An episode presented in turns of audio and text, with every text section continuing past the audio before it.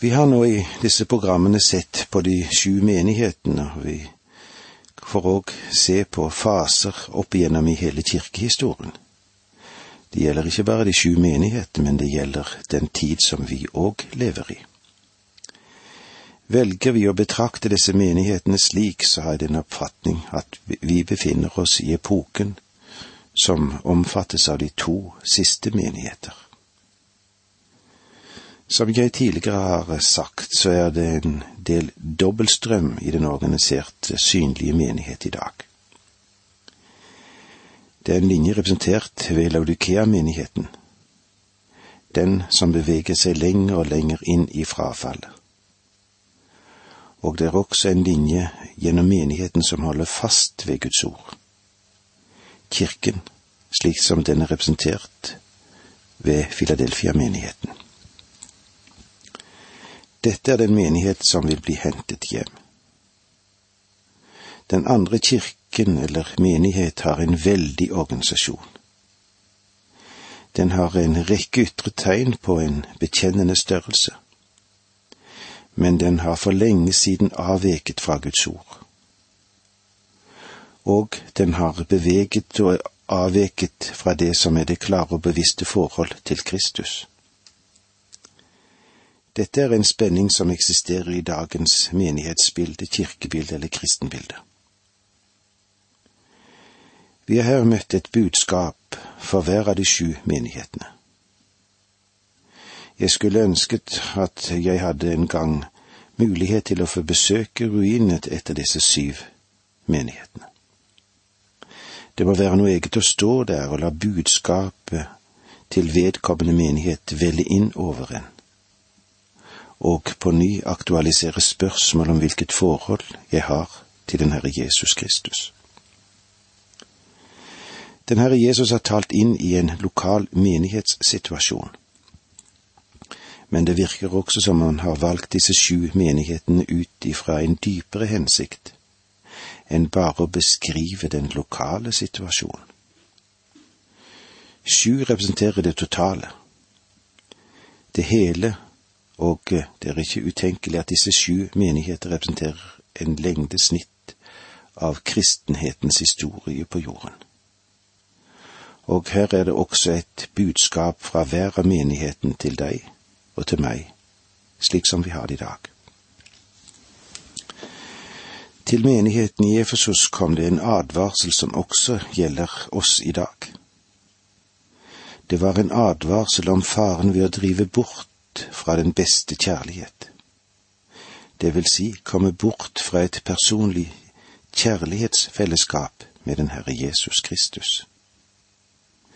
Den virkelige prøve for alle troende, spesielt den som prøver å tjene ham, dreier det seg ikke om dine metoder eller systemer, eller din innvielse eller av noe av det som understrekes ofte i dag. Det eneste spørsmål som er relevant, både for deg og meg, er dette. Elsker vi ham? Elsker du ham? Elsker jeg ham? Elsker du den Herre Jesus? Når du har kjærlighet til ham, vil du også være i rett forhold til ham. Men når du begynner å drive bort fra Kristi person, ja, da vil det ende opp i lunkenhet. Den frafalne kirke, den frafalde kristenhet, er den lunkne kirke. Kanskje vi ikke synes det er så galt, men det er den verste situasjonen en kan være i. Nils Polander har en gang sagt det slik. 20 lunkne kristne skader Kristi sak mer enn en renhårig ateist. En lunken menighet det er en vanære for Kristus.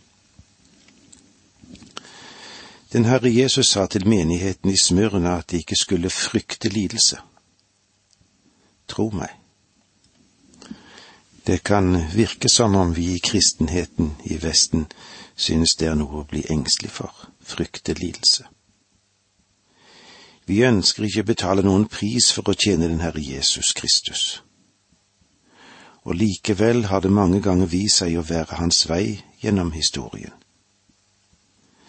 Til menigheten i Pergamon sa han det slik, Men jeg har imot deg.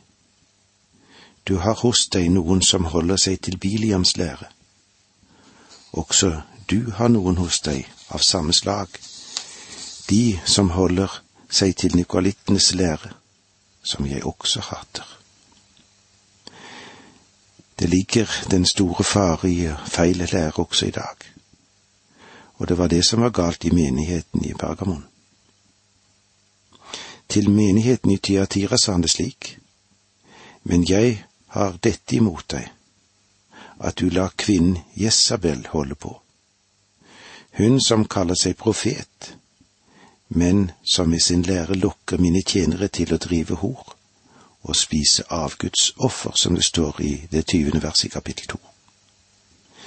Den nye moral er en alvorlig fare for mange i dag. Noen tror at de kan ta imot Kristus og så leve på et lavt etisk nivå. Det lar seg ikke forene. Og blir du et bevisst Guds barn, ja, da vil du være klar over det. I menigheten i Sardes var det fare for åndelig død. Han sa det slik i det første verset i det tredje kapitlet. Jeg vet om dine gjerninger, i navn er du levende, men du er død. Hva med vår menighet? Hva i vår forsamling? Hvordan er det, bror og søster? er forsamlingen, menigheten, kristenheten vår levende? Er du levende? Eller er vi døde i en død menighet i dag? Den situasjonen kan vel også finnes, og der en likevel taler om å ta vare på de historiske læresetningene om troen. Men eh, den iøynefallende defekt i dagens protestantisme er å ta feil av form og liv. Hvor er livet? Menigheten i Filadelfia svevde ikke i noen alvorlig fare. Den Herre Jesus fordømmer ikke denne menigheten i det hele tatt, men han sier det slik i vers 11 kapittel 3. Se, jeg kommer snart. Hold fast på det du har, for at ingen skal ta din krone. Hva var det de hadde? Han roste dem fordi de hadde bevart Hans ord. Vi må også være våkne for dette. Når jeg ser tilbake over mine år i tjenesten, så ser jeg for meg noen personligheter. Personer som har vært tro imot troen. De har startet ut som sterke forkynnere og ivrige arbeidere. Men i dag, ja, kanskje noen har veket av fra troen. De var så mye sterkere enn slik som jeg kjente meg, og mange av disse misunte jeg nok litt. De var evnerike, og de var dyktige. Men nå er livet noe annet. Jeg må si at jeg overraskes av det men det er en alvorlig fare i seg selv. Det er en alvorlig fare i seg selv i menigheten i Filadelfia. Ingenting må avspore oss fra å holde fast ved Hans ord. Og så har vi da menigheten i Laudikea. Den sa Jesus slik til, og det ser vi der i Åpenbaringen 3.16. Du er lunken, ikke kald ikke varm. Derfor vil jeg spytte deg ut av min munn. Dette er den frafalne menighet som har en kristen bekjennelse, men savner realiteten i kristendommen og kristentroen og ordet. Men selv denne menigheten gir han et siste kall til å vende om og la en innbydelse komme til seg og ta imot den. Det var de syv menighetene, og så er det spørsmål hvordan det er med den enkelte av oss i dag. Hvordan er vårt forhold til den levende Herre Jesus Kristus? Og det var så langt vi kom. Neste gang vi møtes, skal vi se i kapittel fire menigheten i himmelen med Kristus. Takk for nå, må Gud være med deg. Dette undervisningsprogrammet består av to deler. Åge Nevland fortsetter nå med andre del av dagens undervisning. Vi er nå kommet til det fjerde kapittelet i Johannes' åpenbaring. Og det vi vil stoppe litt opp for her, er jo at menigheten i himmelen, den er med Jesus Kristus. Men vi har òg sett et riss av menighetens historie gjennom de syv menigheter i kapitlene to og tre. Men når vi nå altså er kommet til kapittel fire, så er det et naturlig spørsmål som melder seg. Hva har hendt med menigheten? Fra kapittel fire gjennom resten av åpenbaringsboken nevnes ikke menigheten i det hele tatt, før du kommer til innbydelsen helt i slutten av åpenbaringsboken, som er en generell innbydelse og den har ikke noe med bokens kronologi å gjøre. Fra kapittel fire og frem dit så finner du ikke ordet menighet eller kirke nevnt. Frem til nå har ordet menighet dukket opp igjen og igjen, ja faktisk 19 ganger. Men nå, ja nå går menigheten av luften. Den nevnes ikke mer. Den har gått ut av luften fordi den er løftet opp i luften. Den er hentet hjem for å møte Herren i skyen. Menigheten har gått til himmellandet, det som synes å ha hendt. Bortrykkelsen finner sted i denne siste epoke i det foregående kapitlet, og den såkalte kirken som fortsetter på jorden er bare en organisasjon. Den vil føres gjennom den store trengsel, og vi vil til sist høre den omtalt som den store skjøge. Og det er et forferdelig perspektiv. Faktisk er det det mest skremmende bildet i Bibelen, det er å finne i åpenbaringsboken i det syttende kapitlet. Skal vi nå kirken igjen? Ja. Men den er ikke lenger da kirke eller menighet den er brud, en brud som er prydet for sin brudgom.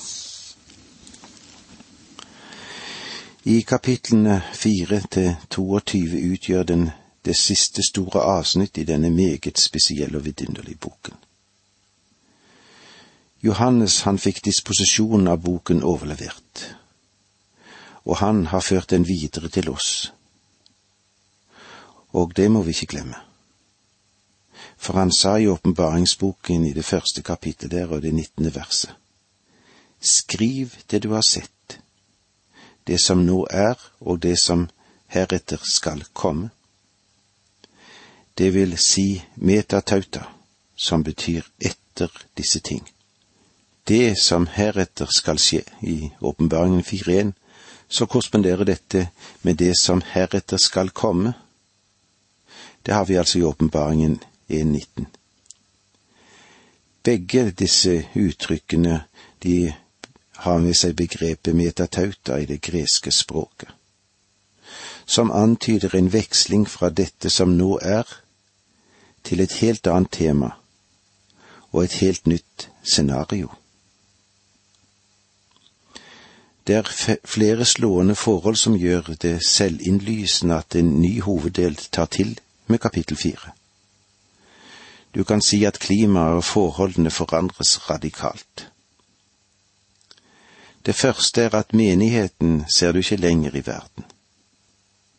Fram til kapittel fire har det vært henvist til menigheten i verden hele 19 ganger. Faktisk er jo temaet i kapittel to og tre fullstendig viet til menigheten i verden. Men fra kapittel fire til slutten av åpenbaringen blir menighetene aldri nevnt i forbindelse med verden mer. Den siste og eneste henvisning er et avsluttende vitnesbyrd etter at verdenshistorien er avsluttet. Dette kan vi si i Åpenbaringen 22, 16. Kristus sa om sine egne. De er ikke av verden, like som jeg ikke er av verden. Johannes 17, 16. Han sa også til sine egne menn, slik som det står i Johannes 14, 3. Jeg vil komme igjen og ta dere til meg, for at der jeg er, skal dere også være. Vi vil òg se på selve scenen. Selve scenen er avgjort plassert i himmelen i kapittel fire.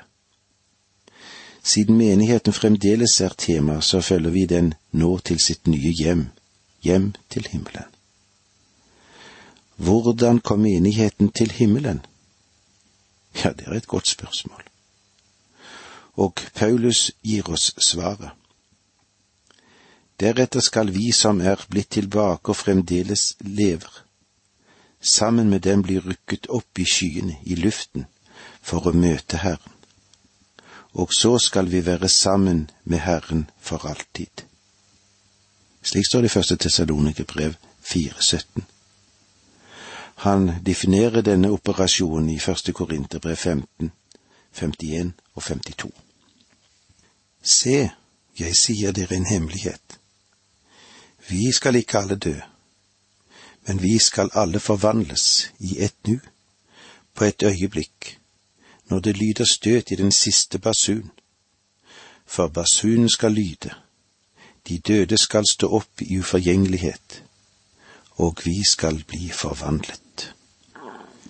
Troen plasserer synderen i menigheten, og innenfor denne rammen skal vi møte Herren i skyen. De hellige går inn gjennom himmelens åpne dør. Menigheten er med Kristus, og Kristus er i himmelen, og leder hendelsen gjennom den store trengsel som vi vil se når vi kommer til kapittel seks. Det tredje som vi skal legge merke til, er at menigheten er ikke et navn med en definisjon på dem som har stolt på Kristus i denne tidsalder. Dette er noe vi må ha klart for oss i vår tanke.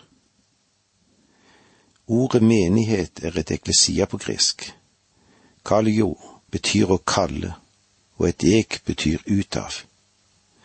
Derfor betyr eklesia en gruppe mennesker som er kalt ut fra verden. Når menigheten når sitt bestemmelsessted i himmelen, mister den det navnet den er kjent ved i verden og det brukes andre termer for å beskrive det. Det vil vi se i kapittel fire, der 24 eldste representerer menigheten i himmelen. Da vil vi også se menigheten i himmelen som en brud, som kommer til sitt nye hjem, som kommer til det nye Jerusalem. Den frafallets organisasjon som bærer med seg den kirkelige term terminologi og fortsetter i verden, blir heretter ikke betegnet som kirke eller menighet, men for den fryktelige merkelappen skjøgen. Det er Laudikea-linjen som går igjennom menigheten. Og det fjerde som vi vil legge merke til i denne delen som vi går inn i nå, det er den dom som begynner i kapittel seks. Den vil ikke ha vært i harmoni med den nådens tilgang og de løfter som Gud har gitt menigheten. Om menigheten forble i verden, ville det ha betydd et spørsmålstegn ved Guds nåde, fordi vi er blitt lovet å bli befridd fra dommen. Det femte og til sist, det som vi vil si er en fortsettelse fra kapittel tre og inn i kapittel fire, uten å legge merke til den store overgangen. Det er å overse den normale, den naturlige disposisjon i denne boken, slik som den er presisert i det nittende verset i det første kapitlet. Når vi nå altså går inn i den siste hoveddel i åpenbaringsboken med all sin tale om dom og frede, så er det godt å holde fast på det perspektivet at Jesus Kristus, han er den sentrale skikkelse i dette. Det er han som er leder for alle hendelser der han fører tingene frem til en lykkelig, men vel planlagt og bestemt konklusjon. Der er for tronen et lam. Han er et lam fordi han døde for verdens synder. Og han er samtidig den som skal dømme. Etter de ting vi har nevnt, etter epoken med menigheten er avsluttet, får vi et sceneskifte fra jord til himmelen. Det er en radikal forandring. Men Guds ord beskriver personligheter og aktiviteter i himmelen som noe like normalt som beskrivelse av det som foregår på jorden. Her er det ingen spenninger med overtro eller mystisisme. Broen over den store dødens kløft er plassert med fred og med den dypeste ærbødighet. Bare Den hellige ånd kunne beskrive tingene i himmelen like enkelt som han beskriver tingene her på jord. Hva ville ha hendt om et menneske hadde skrevet denne boken, tror du? Du vet at det øyeblikk han hadde begynt å beskrive det himmelske forhold, ville han ha hatt mange ville forestillinger å notere ned og prøve å skrive det ned. Hvordan vet jeg det? Vel, les de bøkene som er i sirkulasjon i dag, og prøv å beskrive det. Både oververden og underverden og den usette verden.